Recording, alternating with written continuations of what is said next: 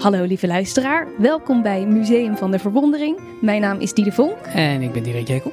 We zijn er weer in Pieter Tijlers huis. In de vorige aflevering hoorden we van Frans van Lunteren alles over de genootschappen en hun bijzondere tradities. Maar daarnaast heb je ook nog een Tijlers Stichting met directeuren. Daarover zal Herman ons wat vertellen dit keer. Hij neemt ons mee het huis in en vertelt spannende geheimen over alles wat je hier ziet. Ja, eh, superleuk. Eh, we hebben een, een, een enorm vol programma van allemaal experts die ons mee gaan nemen. Uh, waaronder Herman Voogd, het hoofd collectiebeheer. En die neemt ons mee in het huis en vertelt ons wat er allemaal gebeurde na de dood van Pieter Tyler in dit huis. En um, hij gaat ons vertellen over een aantal geheime zaken. Zo is er een, een verborgen kluis, een deur met vijf sloten. En wat daar allemaal achter zit, ja. Dat gaan we allemaal horen. En slot mogen wij met de geheime trap vanuit de grote zaal helemaal naar boven klimmen naar het dak om de sterrenwacht te bekijken. Daarnaast hoor je in deze aflevering Maaike de Bie en Wouter Lips. Maaike is projectleider voor de inrichting en publieksbeleving en Wouter is hoofd huisvesting en onderhoud. Zij hebben echt keihard gewerkt aan de restauratie van Pieter Tijlers huis. Ja, superleuk natuurlijk. En, en eigenlijk is restaureren eh, klinkt heel erg makkelijk. Van, van nou, weet je, je hebt een, een object en dat wordt op een gegeven moment door de, de tijd heen een stuk minder mooi. En uh, ja, dan moet je dat gewoon weer een beetje terugbrengen in de oude staat.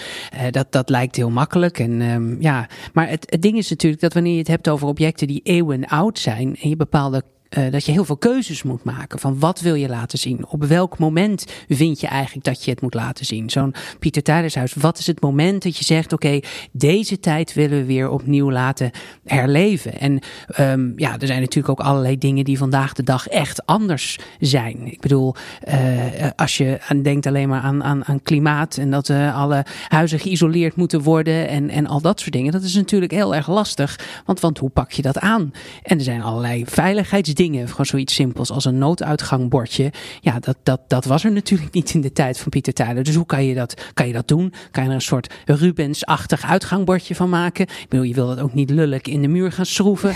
uh, je, ja, hoe pak je dat aan dat het een beetje smaakvol wordt? Dat het toch nog zijn functie behoudt?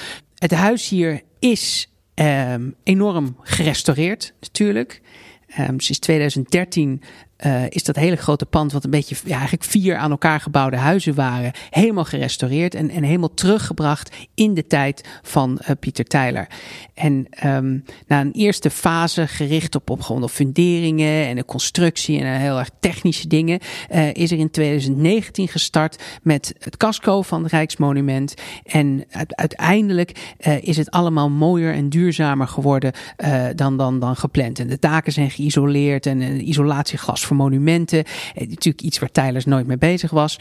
En um, ja, het hele idee dat de aarde opwarmt. Uh, omdat infrarood licht vastgehouden wordt door een gas in de atmosfeer. Uh, dat is pas 70 jaar na de dood van Pieter Tyler voor het eerst uh, bedacht. Ook al best wel vroeg hoor. In uh, halverwege de 19e eeuw weten we dat al trouwens. Maar nu een ander verhaal. Um, in het oude staat terugbrengen van historische interieurs en alle leidingen, brandslangen en alles is, is helemaal, helemaal onzichtbaar weggewerkt. Dus als je dat soort dingen leuk vindt, dan is het ook nog eens schijnig om te kijken waar is het allemaal verstopt en allemaal weggebleven.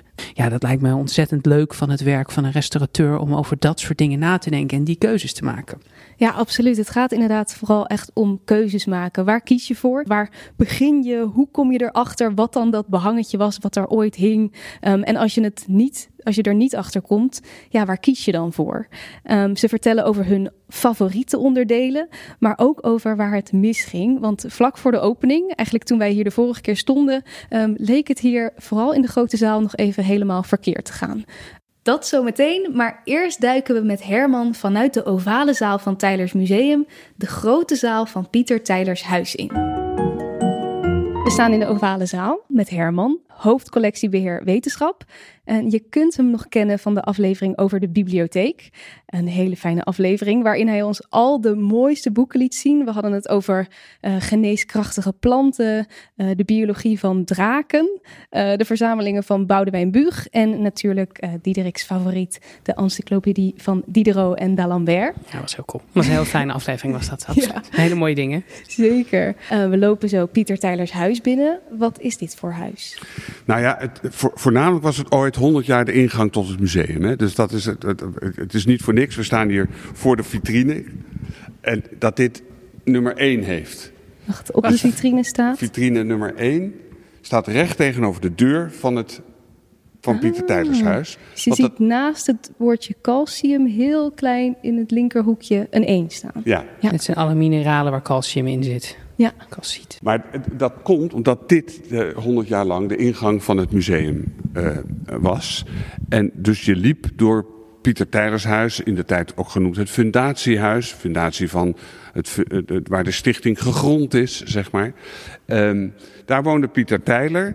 En uh, na zijn dood uh, uh, is er dus al vrij snel begonnen met de, met de bouw van de ovale zaal. Namelijk zijn vijf vrienden die hij had aangesteld als executeur testamentair. Die, die gingen aan de slag. Maar die uh, moesten ook een plek hebben om te vergaderen to toen de stichting echt in full swing uh, kwam. Laten we naar binnen lopen. En die plek waar ze gingen vergaderen, die grensde dus direct aan de ovale zaal. En dat is de grote zaal waar we nu staan. Ja, dat is die zaal met ja, donkerbruin hout, een heel mooi groot tapijt op de vloer en uh, de vier quotes op de muren. Echt een regentenkamer. Hè? Dus zo, we praten nooit over regenten, wij, wij hebben het over directeuren van Tijdelijk Stichting. Mm -hmm. Maar die vormen dus uh, het bestuur en uh, vergaderen dan elk, uh, elke maand hier nu weer. en hebben het over het museum en over andere zaken. Directeuren is het bestuur van Tijlers Stichting, moet je zeggen. En vroeger ook het bestuur van Tijlers Museum. directeuren zijn de eigenaren van de collecties en van de gebouwen. Dus elke maand gaan, komen ze hier nu in principe weer om te Weer bij elkaar, vergaderen. Ja, om te vergaderen. Daar zit de directeur van Tijders Museum ook altijd even bij. En uh, we lopen heel graag met jou even deze ruimte rond. Ja, als je hier aankomt, dan denk je nou, mooie zaal. Oh, ik zie uh, de, de quotes op de muur.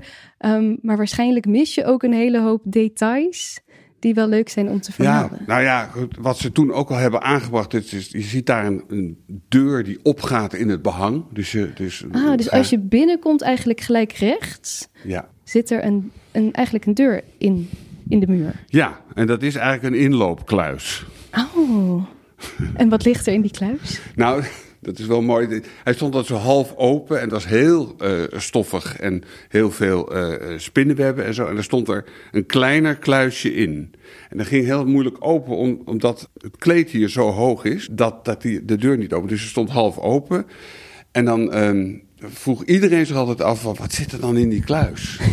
nou, uh, en ik ook. Toen ik hier net werkte, toen heb ik de oud-conservator van Borse Buisman gebeld.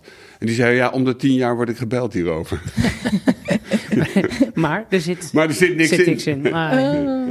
En het maar, feit dat, dat die bu buitenste deur niet open gaat vanwege het tapijt, dat is niet de eerste verdedigingslinie. Dat je, nee, nee, je, maar, nee, want de verdedigingslinie, als die open gaat, dan zie je aan de binnenkant van, van die deur echt een hele ijzerconstructie van verbindingen en zo die zorgen dat het echt op slot gaat. Oh, spannend. Het is echt wel een kluis. Ja. nu ligt er niks meer in. Dus Nee. het is gewoon een spannende deur. Spannende deur, ja. ja.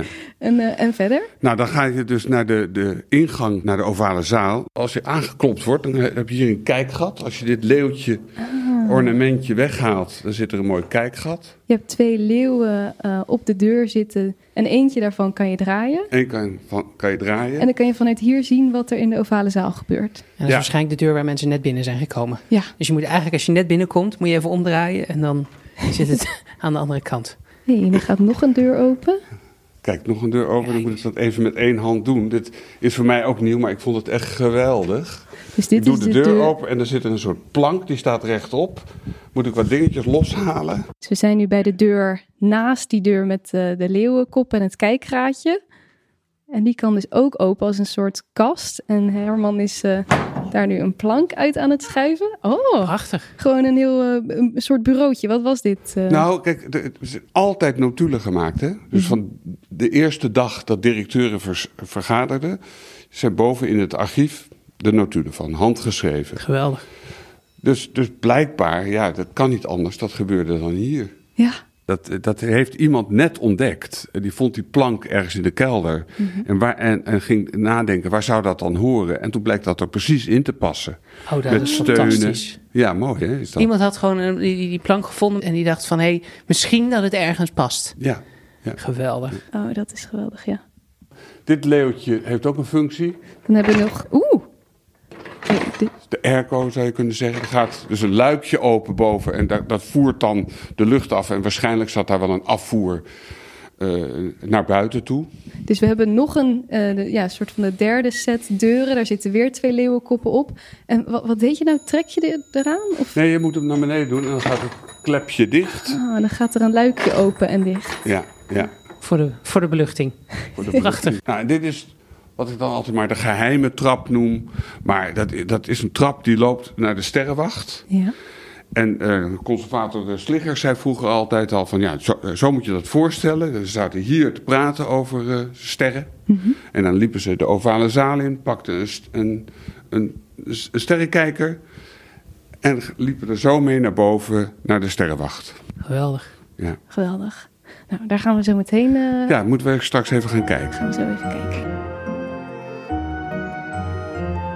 Wat wel leuk is als je naar buiten kijkt, dan kijk je dus naar het, een soort prieeltje, een klassiek tempeltje als het ware. Ja. Met daarop eh, eh, een wapen, dat is het wapen van Tyler. Eh, het, lijkt, het is helemaal nagemaakt weer zoals het was, zoals het op het schilderij staat van Wiebrand Hendricks, de eerste kastelein. Dat lijkt marmer, maar het is gemarmerd. Ah, Dus het is geschilderd. En er is nog meer nep zit er eigenlijk in. Is dat als je hier naar buiten kijkt en ook aan de overkant, over het binnenplaatsje heen, dan zie je dat dat eh, een raam is. En met gordijntjes. En daarnaast ook een raam met gordijntjes. Maar het eerste raam wat je ziet is ges- ook geschilderd. maar het hele raam is nep. Ja, Oh, je ziet alleen een- de vensterbank is, klopt wel. En Ja. waarom is dat gedaan, Herman? Nou ja, daar is het dus ook aan de, aan de overkant. Je hebt twee ramen, daar gaan we straks kijken van de kleine zaal. Ja. Maar dan houdt de zaal ook op. En om een soort symmetrie te krijgen, wat niet helemaal zo is, want het is ook smaller, zie je dat? Ja, Smaller precies. Het is niet helemaal hetzelfde raam als aan de linkerkant. Nee, hebben ze dat eh, zo gedaan? Het is eigenlijk zo wat je in het Frans trompe-lui is dat, hè? Wat betekent dat? Nou, je vergist, eh trompé is vergissen en lui is oog. Een gezichtsbedrog, zeg Ja, maar. ja. Zullen we eh, een stukje verder lopen? ja, prima. Vanuit deze grote zaal eh, ga je weer door de volgende mooie deuren. Met ook weer daar twee leeuwenkoppen op. Hebben die nog speciale functies of zijn die eh, Nee, zitten nee, vast? nee, nee, nee. Die zitten echt vast. Toch even checken alleen voor de zekerheid. decoratie. Nou, dan komen we in een hele mooie lange marmeren gang. Oh ja, hier, hier is nog een, eh, een wc. Mogen bezoekers daar eh, gebruik van maken? Nee, nee het heeft zo'n, echt zo'n grote, overdreven houten bril. En mensen geloven me niet, maar ik heb hier ooit eens met een hofdame van de koningin gelopen. Ja. Om te kijken waar ze dan allemaal eh, zou gaan verblijven. Grote zaal zou ze worden ontvangen en zo. En toen vroeg ze op een gegeven moment, de hofdame vroeg, eh, is er ook een toilet? Toen zei ik, ja, deze. toen zei ze, de koningin gaat niet naar de wc. Het was toch iets te min voor de Het koningin. is iets te klein voor de koningin. en de- toen heb ik gezegd, ja, we hebben ook wel nette wc's, grote, maar dat, dat hoeft er niet. Nou ja, Blijkbaar is dat eh, te regelen. blijkbaar hoeft de koninklijke familie nooit naar het toilet. Dat scheelt. Dat scheelt. En dan is de volgende deur waar we doorheen gaan, die van de kleine zaal. Kleine zaal, inderdaad. En vroeger dus de kleine herenkamer. Mhm. En had eh, altijd, kijk, als daar zeg maar meer de directeuren eh, eh, hun, vergaderingen hielden, dan was dit de kamer van de genootschappen. Mhm. Ja. Is ook al aan bod geweest, maar misschien even heel kort. Te- bij eh, de oprichting, of eigenlijk in het testament van Pieter Tijler, werden al twee genootschappen opgericht. Het Godgeleerd Genootschap en het Tweede Genootschap. Godgeleerd Theologie, het Tweede Genootschap, de overige wetenschappen en de kunst. En boven de deur zien we alle namen van de directeuren van Tyler Stichting. Nou ja, die namen vind ik zelf altijd wel leuk, omdat die zie je dus, we hadden het over die vijf vrienden, dus die eerste vijf, Barnaert, Brand, Hugaard, Kuits en Van der Vlucht, dat zijn die vijf vrienden. Die zijn, eh, zijn eigenlijk dus verantwoordelijk voor alles. Dus ze hadden een testament waar ze moesten volgen, waarin de genootschappen moesten, eh, dit huis mocht niet verkocht worden. Ehm, eh, de, eh, maar er stond niet van, eh, bouw mij maar een museum. Nee, Hè? Dus, maar dat hebben zij Althans, ze hebben uh, uh, geen museum gebouwd, daar hebben we het ook over gehad. Het is, ze hebben een, een soort onderzoekscentrum hebben ze neergezet. Hè? Ja. De ovale zaal, daar kon je proeven doen. En je haalde uit de kasten de instrumenten waarmee je je proef ging, waarmee je, je proef ging doen. Ja. en later ontwikkelde zich dat door tot een museum waar... Volgens mij is het 1984 zie ik de eerste vrouwennaam volgens mij. Klopt, ja. Ja, dat wou ik ook zeggen. Ja. Dat is een vrouw van Imhof, die leeft ook nog. Um, en die heeft mij in deze kamer nog uh, ook aangenomen, heel raar. Ach. Oh. ik was eigenlijk al aangenomen door de directeur als hoofdbedrijfsvoering, heel lang geleden. Hoe 19, lang geleden? 1992. Mm -hmm. En um, toen zei Erik Ebbingen, de directeur van toen, zei van... ja Herman, je moet nog even met directeuren praten in de kleine herenkamer. Maar je bent aangenomen al hoor, dus... Dus ik dacht, doe toch maar een goede pak aan weer. Dus ik kom hier binnen, zaten de directeuren van Tijden Stichting, alle vijf. Die zaten hier allemaal? Die zaten hier allemaal. Imponerend in deze zaal, ja. denk ik, als je en binnenkomt. Ik dacht, nou, het is een kennismakingsgesprek zoals me dat voorgesteld. Maar het werd helemaal weer ondervraagd, hoor. Wat voor vragen stelden ze dan? Nou, ze zeiden onder andere... Meneer Voogd, ik zie dat u een horecadiploma heeft. Waar is dat goed voor? ik zeg, nou, we beginnen straks met de nieuwbouw en dan uh, moet er ook een café komen. Dus zo red ik mij daar wel uit. Maar uh, ja, dat, ze dachten, wat, wat moeten wij nou met een horeca, een man met een horecadiploma? Ik vond het altijd heel fascinerend, de omgang met directeur. Ik heb ook altijd, vind ook altijd, dat vind ik, dat je ze hoog in het vaandel moet zetten. Het is per slotverrekening de eigenaar. Hè? Dus het is uh, met een zeker respect en eerbied behandelen. Dat hoort helemaal bij de traditie, vind ik. En hoe wordt iemand uh, directeur of onderdeel van ja, het illustre genootschap? Is dat op uitnodiging of sollicitatie of nou, hoe werkt dat? De term is cooptatie. Dat wil zeggen dat ze zichzelf uit hun eigen kringen, uh, dus hun eigen omgeving, eigen netwerk zou je kunnen zeggen, daar worden de volgende uh, gekozen. En er is wel één eis, heeft, heeft Tyler in zijn testament gezet, bij voorkeur doopsgezind. Maar als er geen goede kandidaat van doopsgezinde huizen gevonden kan worden, dan, um, dan mag, ook, mag het ook anders zijn. Oké. En ik had het gevoel dat je steeds uh, bij directeuren het lidwoord aan het inslikken ja. was. Ja, omdat dat? dat? wat je, uh, je hebt directeuren van Tijdens Stichting en de directeur van Tijdens Museum. Ja, precies. En dus je mag niet zeggen de directeur. Nee, ik vind dat niet. Ja, ik weet niet, ik doe dat nooit. Nee. Ja, nee, het is prachtig. Ik vind een bepaald egaar. En, ja, en hoort natuurlijk ook wel bij zo'n zo'n prachtig ja. uh, instituut als, als tijdens. Dat daar een beetje de magie van, van, van vroeger blijft leven in een traditie. Dat is natuurlijk wel prachtig. Zijn nu in de keuken. Hè. Het is echt duidelijk een downstairs keuken in de zin van upstairs, downstairs. Hè. Wat is dat? Nou ja, hier zat het personeel. Oh, ja. En hier zit ook weer een heel klein binnenplaatsje waar je natuurlijk het voedsel ook koud kon houden. En daar zit ook de afwatering, een grote regenpijp. En um, daar stond dit bij. Oh, een soort hele, hele lange lepel.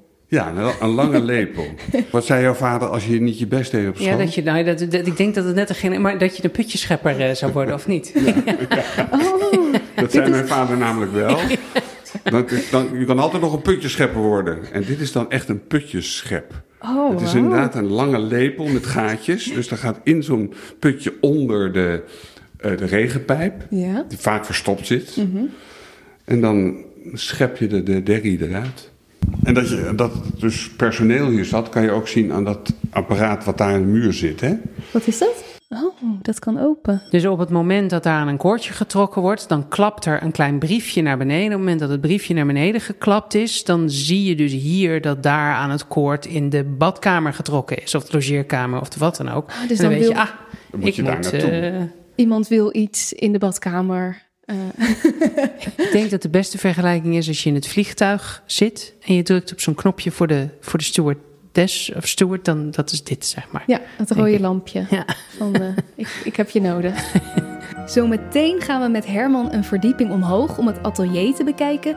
En mogen we eindelijk zien wat er achter die deur met de vijf sloten zit. En we eindigen op nog grotere hoogte. Daarna gaan we namelijk het dak op om de sterrenwacht te bekijken. Maar eerst spreken we Wouter en Maaike over de restauratie. Welkom. Dankjewel. Dankjewel. Uh, twee mensen die allebei heel veel hebben betekend in de restauratie van Pieter Tijlers huis. Um, kunnen jullie je misschien even voorstellen en vertellen, ja, wat is jullie functie in dit geheel geweest? Wouter. Ik ben vanuit tijdens het museum zelf uh, betrokken geweest als uh, meer de bouwkundige begeleider vanuit het museum. We hadden natuurlijk een heel team daarnaast uh, die we aangetrokken hadden, projectbegeleiders, architecten. Maar ik was degene, zeg ik, de schakel tussen de wensen van de directie, het, het masterplan en de, de, daadwerkelijke uitvoering. Flinke taak, lijkt mij. Dat was inderdaad een behoorlijke kluif. Ja, ik ook tijd wat, het ging, uh, wat erin ging zitten. Ik heb daarnaast ook nog het, de rest van het pand uh, waar ik het beheer voor doe. Dus die, ja, die doet het niet zomaar even ernaast. Uh, Maaike, wanneer kom jij erbij? Wat is jouw rol in dit geheel? Ik ben uh, ongeveer twee jaar geleden begonnen. En ik ben echt specifiek aangenomen als projectleider voor de inrichting uh, en de publieksbeleving. En daar zit natuurlijk een hele grote overlap. Want publieksbeleving is eigenlijk hoe je je verhaal wil vertellen. En daar heb je natuurlijk middelen voor nodig. En je doet het in bepaalde ruimtes. En hoe de ruimtes eruit zien bepaalt hoe je je verhaal kunt vertellen. Dus die overlap, zeg maar. Nou, daar, was ik dan als projectleider verantwoordelijk voor dat het allemaal netjes in elkaar greep en uitgevoerd werd en klaar was op tijd. Vooral dat. We beginnen weer even bij, die, bij het begin van de restauratie. Het huis werd casco opgeleverd, de fundering was al gedaan. Um, ja, Wouter, waar begin je dan? In het traject van de voorbereiding kwam ook al een, een wens naar boven van we willen gaan verduurzamen. Uh, nou, hoe ga je dat doen in een monumentaal pand? Ja, want dat was in de tijd van Pieter Tijler denk ik nog minder een uh, hot issue, het duurzaamheid en Helemaal niet. Uh, dubbel glas. Nee, nee. want hoe doe je dat dan in zo'n historisch pand? Ja, je moet ook kijken van wat, wat kan er inderdaad in zo'n monument. Bijvoorbeeld de ramen zijn allemaal geïsoleerd, de daken. we hebben een warmtepomp bijvoorbeeld op het dak staan. Ehm, er is voor verschillende typen uh, verwarming en, en, luchtbehandeling gekozen. Wat past bij de ruimtes en ook wat, wat mogelijk was daar. Als we nu door, door het glas kijken naar buiten, dan lijkt het gewoon oud glas. Uh, maar het is uh, gelaagd glas met aan de binnenzijde een speciale coating die de warmte tegenhoudt. Dus specifiek voor deze toepassing is dat gekozen. Ah, dus het, het, is wel echt een soort glas waardoor het nog oud glas lijkt? Ja, ja. Maar het moet uh, ook weer zo dun zijn, omdat het in, in stopverf uh, gezet is. Dus in de, in de oude kozijnen nog. Mm -hmm. Dus mag, het kan geen dik isolatieglas zijn, wat je in de nieuwbouw wel kan toepassen. Maar we hebben uiteindelijk een behoorlijk, uh, de lat behoorlijk hoog kunnen leggen. Zeker ten opzichte van waar we vandaan komen. We hebben ook het pand boven het kleine huis, dus boven het miniatuurhuis ja. is dat. dat is ook ingericht als woning voor een, een artiest die hier echt intrek kan nemen. En dan verbonden aan het museum bijvoorbeeld opdrachten kan doen. Dus dat is ook echt ingericht om in te wonen. Er zijn overal enorm veel details. Um, elke ruimte is weer super uniek. Ja, hoe, hoe begin je met zo'n interieur? Ja, dat is best wel een goede vraag. ik denk dat daar heel verschillende manieren voor zijn om dat te doen. Um, omdat je hier echt wel met nul begint, zeg maar, met, met de casco, uh, zoals Wouter en de architect en het hele bouwteam heeft opgeleverd, uh, liggen alle keuzes nog vrij. Aan de andere kant um, hebben we ook gewoon archieven uh, waar heel veel beschreven staat, want alles wat hier al 200 jaar gebeurt, dat werd opgeschreven. Dus er werd gekeken naar bijvoorbeeld rekeningen van stoffen die ooit zijn aangeschaft eind 18e eeuw. En aan de andere kant heb je ook kleuronderzoek. En daar ging een kleuronderzoekster, die ging uh, bij alle geverfde onderdelen, dus de ramen, de kozijnen, uh, halen ze alle laagjes verf die daarop, nou ja, op de kozijnen zitten bijvoorbeeld, uh, halen ze eraf. En dan heb je allemaal laagjes onder elkaar, die gaan naar een lab. Daar wordt gekeken naar hoe oud is die verf. maar het zegt ook eens over volgorde. En daarmee kun je dan eigenlijk bepalen zo rond, laten we zeggen 1750, zat waarschijnlijk deze kleur op de muur. En 100 jaar later zat ongeveer deze kleur op de muur. Um, nou, en daar ga je dan, kun je ook keuzes in maken. En dan wordt er dus echt laagje voor laagje afgekrapt, uh, ja. soort van wat de verf was die eronder lag. Ja, dan heb je al die laagjes op elkaar. Nou, dat is misschien een millimeter of zo, of twee millimeter, echt, echt minimaal hoor. En je kunt ze volgens mij op sommige plekken hebben we ze nog zitten in het huis. In de, in de gele zaal beneden, dat is voor de bezoekers uh, de makkelijkste om te vinden. Mm -hmm. uh, op het, van het rechterraam zijn de raamstangen. En de onderkant is een klein stukje uh, in zicht gebleven. Maar is dat dan expres gedaan? Ja, ja. we hebben dat op meer plekken. maar soms is, het ook, is er ook weer een, iets overheen gegaan. Maar dat er ook later weer terug te vinden is van hey, welke lagen zijn we tegengekomen.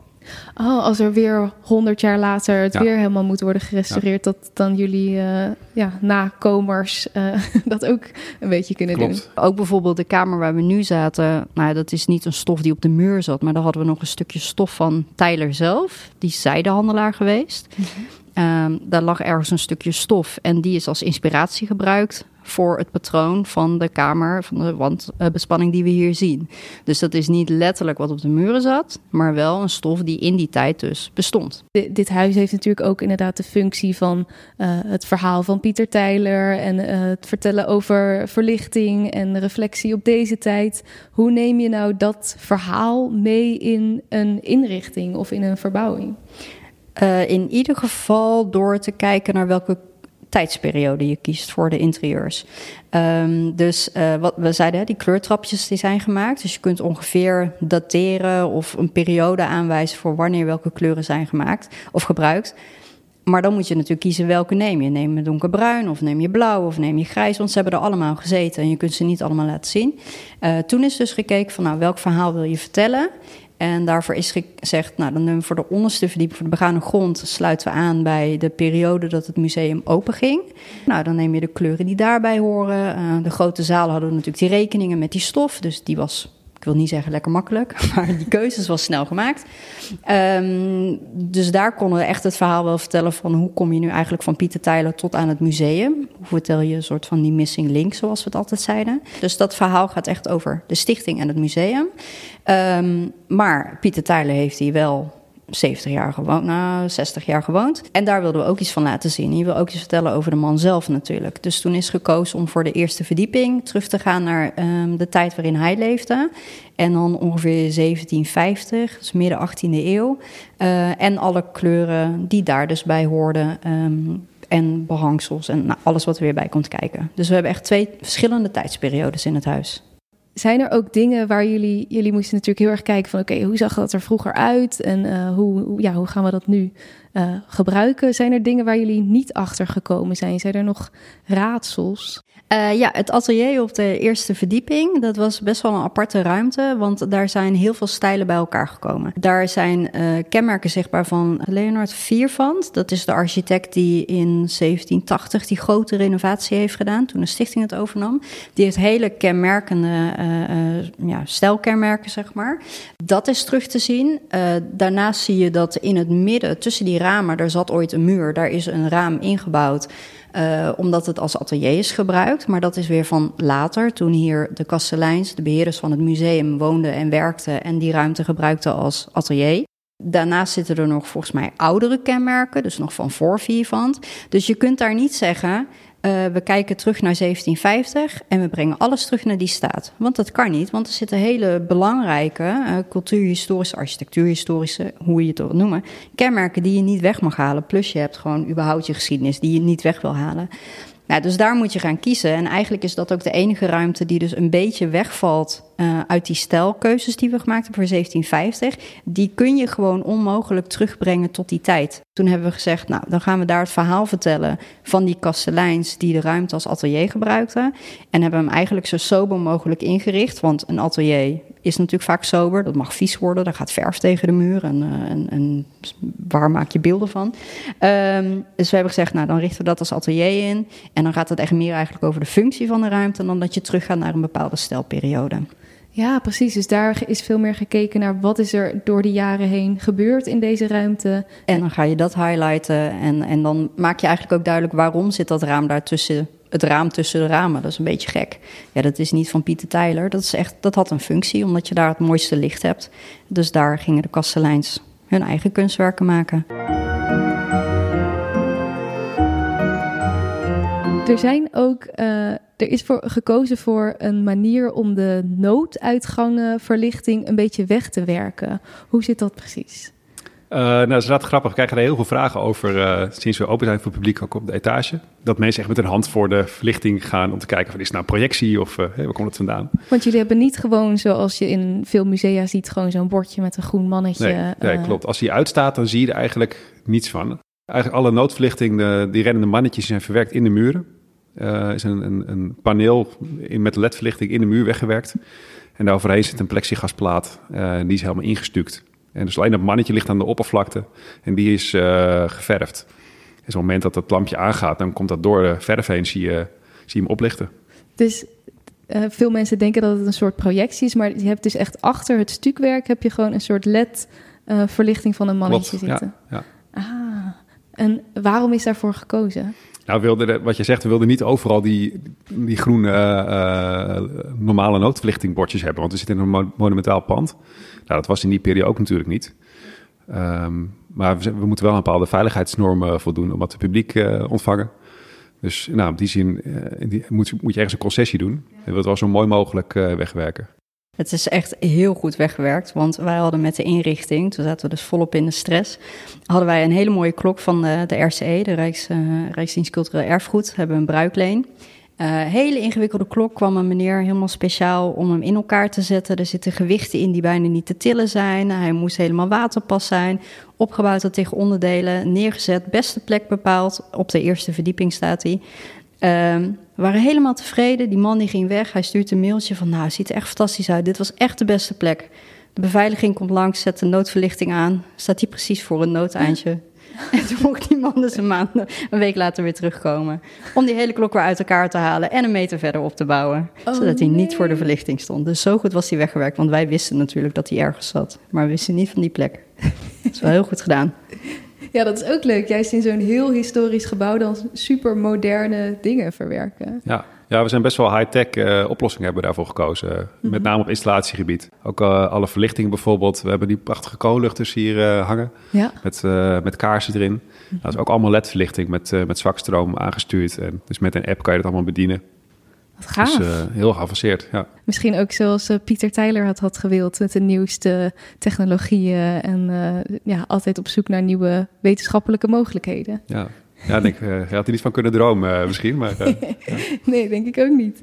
Um, zoals iedereen die wel eens heeft verbouwd weet dat, dat, nou, dat er ook wel eens wat obstakels zijn. zijn er momenten geweest in deze restauratie dat jullie dachten, oh, hoe gaan we dit... Hoe gaan we dit aanpakken? Nou, ik weet in ieder geval een week voordat we open gingen. ja, we kunnen hem best vertellen. Het is hartstikke goed opgelost. maar het was geen leuk moment. Het was op een vrijdag om vijf uur. Een week voordat we open gingen. Ook echt die timing, hè? vrijdag vijf uur. Ja. Wouter stond eigenlijk op het punt om naar huis te gaan. En er werd beneden in de grote zaal met het uh, Deventer vloertapijt. Dat is een uh, vloerkleed. Dat is uh, helemaal gerestaureerd, uh, tot het weer helemaal puntgaaf eruit ziet. het lag hier ook al 200 jaar. Um, was helemaal teruggelegd op een vloer waar vloerverwarming in zat. Dus dan moet je denken, daar lopen allemaal buizen met warm water... op ongeveer 2 centimeter onder de vloer. Uh, en een tapijt, dat moet wel vast liggen, want het mag niet gaan glijden, het mag niet uitrekken. Dus het was met spijkertjes vastgezet. En Wouter die had goed aangegeven, waar liggen die, uh, waar liggen die buizen? Maar toch hebben ze op een of andere manier die spijkertjes net te dicht bij een van die buizen, nou meerdere buizen, weten te slagen. Dus toen uh, kreeg Wouter om kwart voor vijf of zo het bericht dat er een lekkage was in de grote zaal. De grootste zaal, zeg maar de eerste waar je binnenkomt, die zeker weten af moest zijn. Ja. Nou, wat heb jij toen gedaan? Nou, is snel de, het water eraf gehaald, de druk eraf gehaald. En uh, uh, een installateur gebeld van... joh, uh, we zitten met deze situatie, het spoed uh, moet gerepareerd worden. Mm -hmm. um, dus nou, het kon van het weekend kon het maar drogen. Maandag hebben we de boel helemaal opengehakt waar de, waar de lekkages zaten. En uh, smiddags is een installateur langs geweest. Die heeft alles weer kunnen herstellen. Oh. Maar er moest wel even snel geschakeld worden. En dat met het in het achterhoofd, inderdaad. Vrijdag moet het klaar zijn, want dan gaan we open voor het publiek. Oh, we hadden man. echt nog een week. Ja. En, en, Wouter die vertelt niet hoe jij heroïs op je knieën door de hele kamer bent gegaan om met een pen aan te geven op de vloer waar al die buizen liepen, zodat ze nooit meer met die spijkers op die plek konden slaan. Volgens mij hebben we uiteindelijk lijm gebruikt. Dat heb ik zelfs vooraf al gedaan. Ja, dat, ja, dat heb je meerdere keren gedaan. Ik heb er volgens mij foto's van. Maar echt, Wouter zelf die heeft daar niet alleen maar even de installateur gebeld, maar jij hebt echt gewoon centimeter voor centimeter dat zitten uitmeten. Dat was wel echt, daar werden we wel echt chagrijnig van, toch? Ja. Dat was, ja, dat was gewoon, geen succesverhaal. Een tegenvaller van iets wat gewoon niet nodig was geweest. Ja, uh, dat was jammer vooral. Ja. dat is dan extra pijnlijk. Uiteindelijk als het opgelost is weer, denk je nou... Hè, we hebben een mooi verhaal te vertellen, maar op dat moment uh, waren we echt not amused. Nee. Uh, nee, niet bepaald. en zijn er juist andere momenten die heel erg uh, meevielen? Of dingen waarvan jullie uh, dacht, ja, die jullie zijn verbaasd tijdens het proces? Ik vond zelf het, het stukwerk, de restauratie, vond ik enorm leuk om mee te maken. Voordat de, de bouwkundige werkzaamheden zouden beginnen, is al het stukwerk, met name van de gang beneden, dus alle gestukte figuren aan het plafond. Ja, er zitten enorm veel details in. Ja, echt van de Italiaanse meester voor 1715 die restauratie. Um, nou, die moesten gerestaureerd en uh, gefixeerd gaan worden weer. Omdat nou, na 200 jaar ruim uh, gaan die draadjes waarmee het gestuukt is en dat de stroop vast zit, uh, die gaan doorroesten en loszitten. Dus het risico als we aan de gang zouden gaan dat dat los zou trillen en dat zo'n heel plafond beneden gekomen, dat was best aanwezig. Oh. Dus vooraf uh, is ervoor gekozen om het helemaal te restaureren en vast te leggen. Dus we zijn van bovenaf alle vloeren open gegaan. Er is er ook um, uh, met een soort wapeningsgaas over het stuurwerk heen. Uh, dat is helemaal vastgegoten met, met een soort egeline, opgehangen aan de balken. Heel leuk om te zien hoe ze dat gedaan hebben. En ja, de zorg waarmee dat uitgevoerd werd ook door het bedrijf. Ja.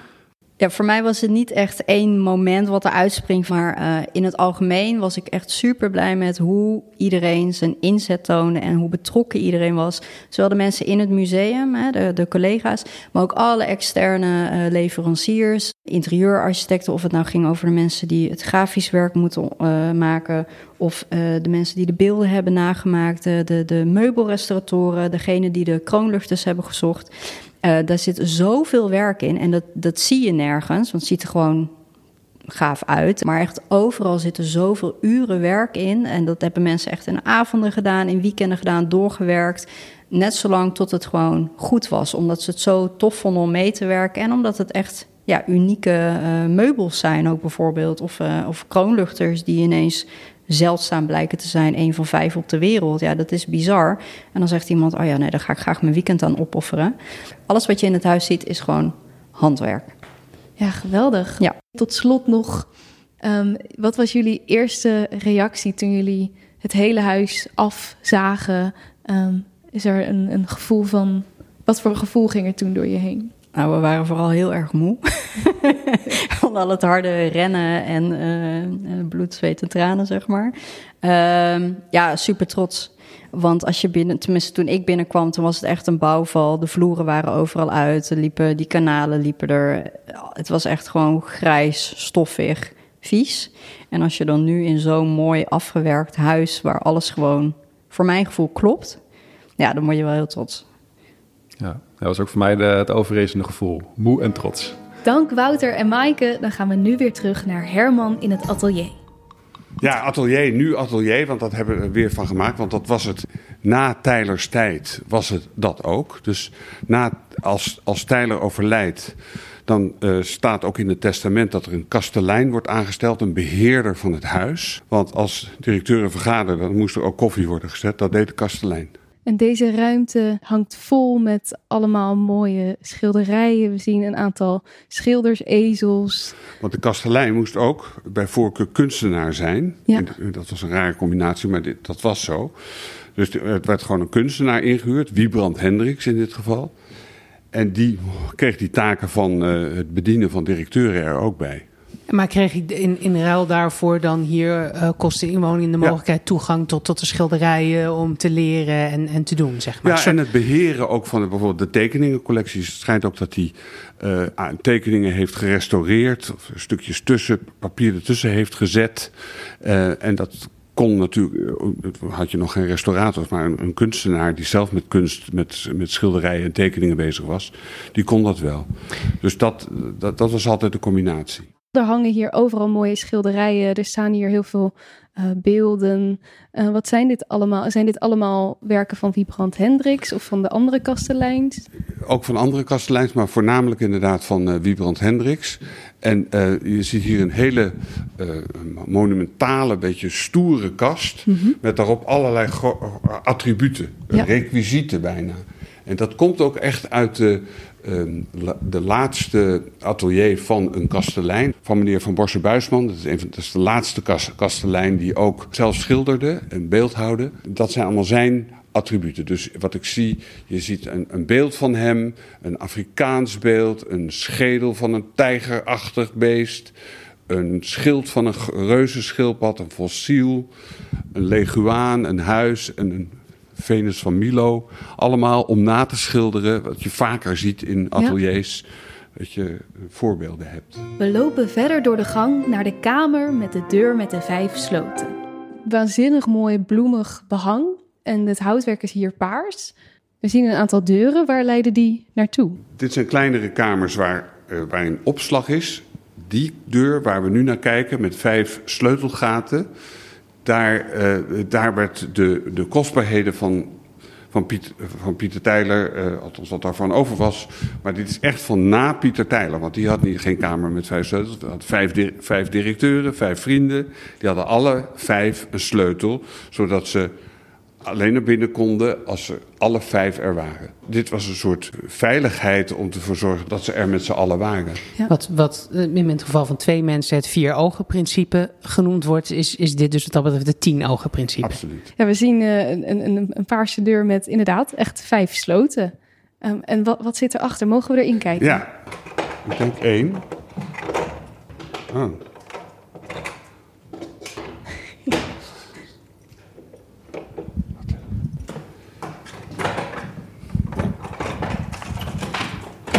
Ja, ja. moet nog iets verder.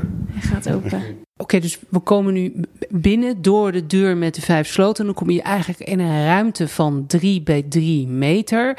Het is een, uh, een meter of vier hoog. En helemaal rondom van, van prachtig hout. En als je goed kijkt, dan zie je dat het deuren zijn, dat er scharnieren her en der zitten. Ja, het is een kleine kamer, maar het is dus eigenlijk een soort, soort superkluis ook. Oh. Um, met een open haard kon daar ook in worden gestoken, gek genoeg, terwijl het zo ontzettend houterig is. Ja. En, en licht kwam binnen van boven, dan een mooi gat in het plafond. Maar met een traliewerk ervoor om te voorkomen dat er ingebroken Zeker. kon worden. Ja, ja, ja, ja. Ja, want er zijn hier helemaal rondom zijn dus uh, kasten. En ja, wat zijn dit voor een soort hele mooie oude kisten? Wat zijn dat voor kisten? Ja, nou daar werden de waardepapieren in bewaard. Dus je had het belang, ze hadden bijvoorbeeld op deze bovenste kist, kistje staat Friesland.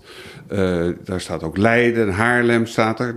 Daar hadden ze blijkbaar een belang in. Of onroerend goed, dat weet ik niet precies. Maar uh, er, werd, er, werd, er, er, was veel onroerend goed en er werd ook verhuurd. Dus ze hadden hier ook de huurcedullen. Tijler staat hierop. Vreemde mogendheden staat op dit kistje. Dat wil zeggen dat ze daar ook aandelen in hadden. En ze hadden ook bijvoorbeeld dit kistje Franse effecten. Of daaronder Oost-Indische Compagnie. Hè? Dus dit zijn misschien wel hele dozen die ook al, of kisten die ook al in Tijlers tijd werden gebruikt. Ja. Door Tijler. Misschien wel het bron van het geld uiteindelijk. Ja, waardepapieren lagen dus hier opgeslagen. En waarschijnlijk ook wel echt geld. Maar als dit al deze kasten um, vol liggen met, met waarde, dan snap ik wel dat je vijf sleutels wil hebben. Absoluut. En dat er niet één Ja. of twee mensen onder een hoedje spannen en denken van goh, ik ga eh, Ik vind dit open doen en eh, er vandoor. Ja, Ja. maar directeuren, ja, ik zei, die benoemden elkaar door cooptatie. Er kwam niet een vreemde vogel binnen, zeg Nee, maar. hè? precies. Nee, maar je Precies. weet toch, nooit, ik bedoel, ja. Het is toch wel aanlokkelijk misschien wel als dit helemaal vol ligt met... eh, Zeker. Precies, die verleiding eh, kan ieder mens te groot worden misschien. Komen jullie mee? Dan gaan we hier de sterrenwacht op. Oh, spannend. We gaan een, eh, een donker houten trap op. Dus hier liepen ze dan met een, een telescoop onder de arm naar boven. Ze hadden net een discussie gehad over. Weet ik veel, planeet Uranus was volgens mij net ontdekt. Ze hadden een discussie erover gehad. Ja. En ze gaan even samen kijken. Nog een smaller trapje gaan we omhoog. Ja, er zit hier een hele mooie drakenkop op de trap. Oh, wauw. Mogen bezoekers ook wel eens mee eh, naar de sterrenwacht, Nou, Herman? Ik doe het eigenlijk bijna nooit, omdat... Ik heb wel eens meegemaakt dat mensen zeiden... nee, ik heb geen hoogtevrees, maar dan vervolgens helemaal Oh. panisch boven waren. Het wordt steeds donkerder en steeds smaller ook wel. En nu moet ik het dakluik open gaan maken.